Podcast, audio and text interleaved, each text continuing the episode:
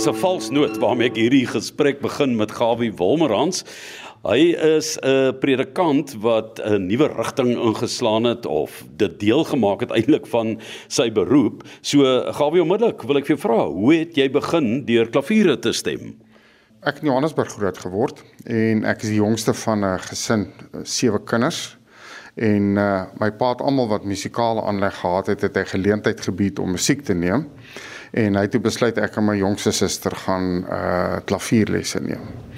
En uh ons was 2 jaar op 'n waglys van die juffrou wat nou die beter ene was in ons voorstad en nie plek gekry nie.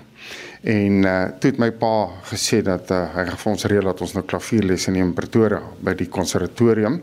Daai tyd die beste was die konservatorium vir kerkmusiek uh wat al die beroemde uh soliste daai tyd opgelei het. En uh Daai tyd in die 60er jare was dit ook elektriese orgels wat aan die mode was. En uh, ons het nou al ons kwota elektriese orgels gehad en verbeter en toe het hy besluit hy gaan 'n klavier koop, maar hy het gesê hy koop nie op skuld nie en hy koop nie swak kwaliteit nie. So toe het hy nou geld gespaar en my maat het gehou van die reëling dat ons in die middag alleen daar by die laerskool gaan uh, oefen nie. Toe sy op 'n veiling het sy 'n tweedehandse klavier gekoop wat tot vandag toe amper die slegste klavier is wat jy kan kry. En hulle toe nou die uh, klavierstemmer uitgekry, maar hy was skaars weg en toe is die klavier weer vals. En toe hy weer einde van die maand kom, toe vra ek vir my net my wys, ek was toe standaard 4, 11 jaar oud. Hy moet net my wys wat hy doen want my pa kan nie elke maand 'n klavierstemmer bekostig nie. Toe weier hy, het my weggejaag, want toe het ek so die sitkamervenster om afgeloer wat hy doen. En uh toe ek nou uitgewerk toe hy weg is en die klavier word weer vals. Toe ek sommer met 'n ek dink is 'n skuif sleutelmoer as die Afrikaans vir 'n shifting het ek toe gevat en uh, ek het toe nou 'n stuk plastiek uit 'n uit 'n bakkie uitgesny en toe uitgevind hoe die die stemmery werk.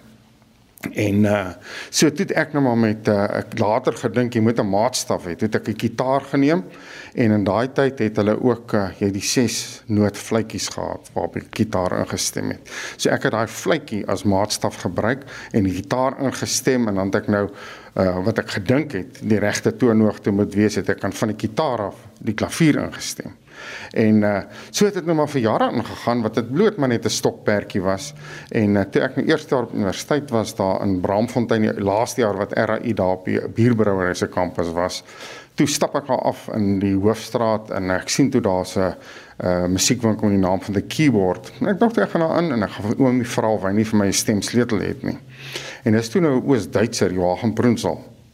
En hy en sy broer Dieter, die het as 'n hele paar jaar na die Tweede Wêreldoorlog geëmigreer Suid-Afrika toe as klavierstemmers. En uh ek vra toe vir hom of hy nie vir my 'n stemsleutel het nie, maar nou moet ek jou vir sê ek se eerste jaar gespas in matriek. En uh hy sê vir my wat wil jy met die ding maak? Ek sê vir hom ek's moeg om met 'n shifting te werk. Hy kyk my so. En daar's 'n ongemaklike stilte. En hy kyk my so in hoe hy sê vir my: "Julle in Suid-Afrika het nie tradisie nie." En uh nou moet ek nou maar in 'n gemaklike stilte bly en hy sê vir my ek is die 60 geslag klavierstemmer wat ek weet het ek by my pa geleer wat my pa leer het hy by sy pa geleer en so hou ons hierdie geheim en die tradisies en jou jou voorsprong in die klavierstem in die familie dat jou kinders kan voordeel trek uit Hy sê maar julle in Suid-Afrika het nie tradisie nie. Hy sê ek het twee seuns. Hy sê die een het 'n ingenieur geword en die ander het 'n prokureur geword. Julle het nie tradisie nie. En hy stap na sy werkswinkel toe en hy kom toe terug en uh, hy sit so 'n boksie op hierdie jy ken hierdie ou vertoonkas hierdie dik glas met die aluminium wat soos 'n visstank klink. En uh, hy sê toe maak toe oop. Hy sê ek het hierdie gekoop die laaste keer toe ek in Duitsland was. Hierdie stemsleutel sodat my kinders in my voetspore kan volg. Maar jy het nie tradisie nie. Hy sê ek sal dit aan jou verkoop op een voorwaarde. Ek sê ja, as jy dan moet jy my seun word en ek sê vir hom dis reg so. En uh, so daar het 'n baie goeie verhouding toe ontwikkel wat ek bloot as 'n stokperdjie se passie uh toe beoefen het en uh hy het my al die basiese dinge geleer want dit gaan nie net oor stem nie, dit gaan oor vervanging van penne en oor vervanging van snare en ander tegniese goeders. En wat ek bly was want uh die etiese integriteit wat hy vir my ook aangeleer het rondom met hoe jy uh, mense faktureer en daai goeders wat bloot of as, as 'n kantlyn situasie was dink ek is is iets wat by baie mense ontbreek. So ek het hom as mentor gehad en ook later van tyd 'n baie baie eerbare netjiese perfeksionis en Nelspruit Harry Green wat ook die tegniese kant eintlik een van die meesters is. So dit is maar hoe die ding begin het. Jy was predikant gewees in Kolini en ehm um, met die verarming eintlik van kerke wat plaasgevind het, het dit 'n belangrike bron van inkomste vir jou geraak. Maar vertel vir my bietjie van die digitale meting wat deesdae jy het nou gepraat van nog 'n fluitjie en 'n stemvurkie en 'n shifting spanner waarmee jy gewerk het daai soos jy sê skuifmoer.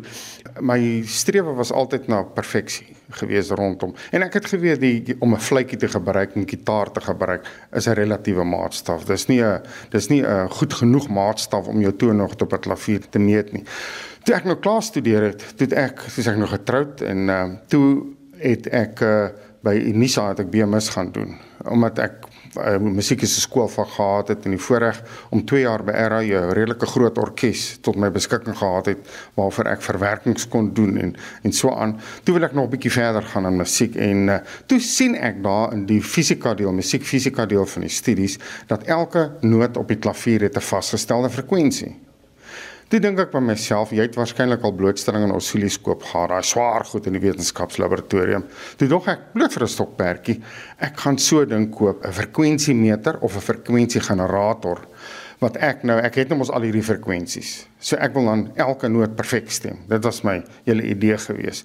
Gelukkig, ek het daai tyd ook as ek ingeskryf, dis die era voor die internet, uh op 'n klomp buitelandse musiek en klank uh tydskrifte.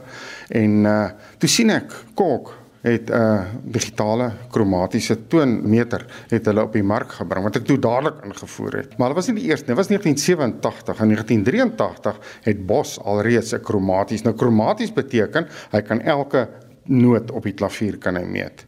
Alhoewel hulle hulle omvang daai tyd beperk was uh in terme van akkuraatheid, maar ek in die middel deel van die klavier was perfek akkuraat wat hulle kon meet, het uh ek toe nou die uh AT1 ingevoer van Korg en elke nuwe model het ek nou ook ingevoer en hulle toe in 1995 was hulle laaste programmeerbare digitale stemmer, die MT1200 het ek ingevoer.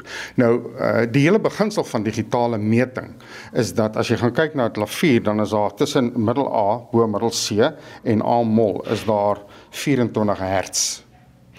Maar dan halveer daai verskil as jy oktaaf afgaan. So daai is 440 en daai is 424. Ah, uh, ekskuus 416 Hz. So daar's 24 Hz, maar hier's nou dieselfde afstand, maar dis ook 'n halwe toon, maar dit halveer mos nou. So hierdie een is nou 220 Hz en daai dan is die verskil daar net 12 Hz. Maar digitaal meet hulle elke halwe toon in 100 sent. Jy kan dit noem 100 grade as jy wil, nê. Nee. Nou die interessantheid is dat uh, mense gehoor kan in 'n halwe toon het hulle nou wetenskaplike toetse gedoen om hierdie stelling nou te staaf. Jy kan die goeie gehoor kan tussen 20 en 25 verskille in 'n halwe toon optel. Maar digitaal kan 100 verskille optel. So jou vermoë om akkuraat te stem, gegeewe dat dit 'n goeie klavier is, uh maak nie dit geld nou of jy gehoor stem of digitaal stem, is sy sy sy vermoë om klanke te identifiseer is baie meer akkuraat as wat enige gehoor dit kan doen. So in 2016 wat ek gebruik, het toe gekom die Pano tuner is nou piano sonder 'n i Pano tuner wat een van die beste uh, apps is en weet met die tegnologie van wat ons nou het met selfone is sy akkuraatheid om klanke op te tel en dan die sagte ware wat dit analiseer is ongelooflik goed. Jy kan nie beter nie. Uh, so dit is basies die verskil in terme van die meting self. Ek gesels met Gawie Wolmerans, hy's 'n digitale klavierstemmer. By 'n volgende geleentheid sal ek met jou praat oor hoekom word 'n klavier vals en uh, is dit ou vrou stories dat jy die klavier aan die suidekant van die huis moet sit teen die muur of wat ook al. Maar gou ek wil hê jy moet gou vir ons hierdie vals noot net weer speel en dan dan dit vir ons instem en vir ons vertel hoe jy dit doen. Goed, uh die hele beginsel is as ek nou maar as verwysingspunt hierdie middel A vat wie se Hz 440 Hz moet wees. As jy mooi na die die bord kyk, dan sien jy hier's een dik snaar hierso per noot. Laat ek dit so sê, hier's op hierdie klavier is daar 85 note, maar Steinway het van 1880 af klaviere se lengte groter gemaak dat daar 88 note is. Nou die eerste onderste deel wat die basnote is, moet dik wees om die basklanke te produseer. Maar saam met die dikte kry jy ook volume. So om die klanke uit te balanseer, hoe hoër hy gaan, dan sien jy hierdie note het elkeen twee snare en dan van hier af het die note drie snare. Jy weet ons is 'n sinfonieorkes, dis hoekom jy 8 eerste viole kry en 4 alt viole net om die, die klankbalans te handhaaf. Nou in totaal het die gemiddelde klavier omtrent 220 snare. Nou ek het nou hierdie noot wat nou nou vals was, die A, hy moet nou op 110 Hz wees, nê. Nee.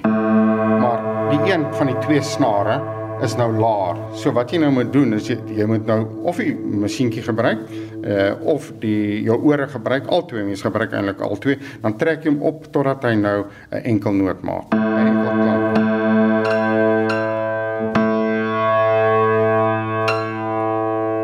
So hy klank moet nou stil staan. Hy beweeg nie. Hy het geen swewing op nie. Dan is hy ingestem.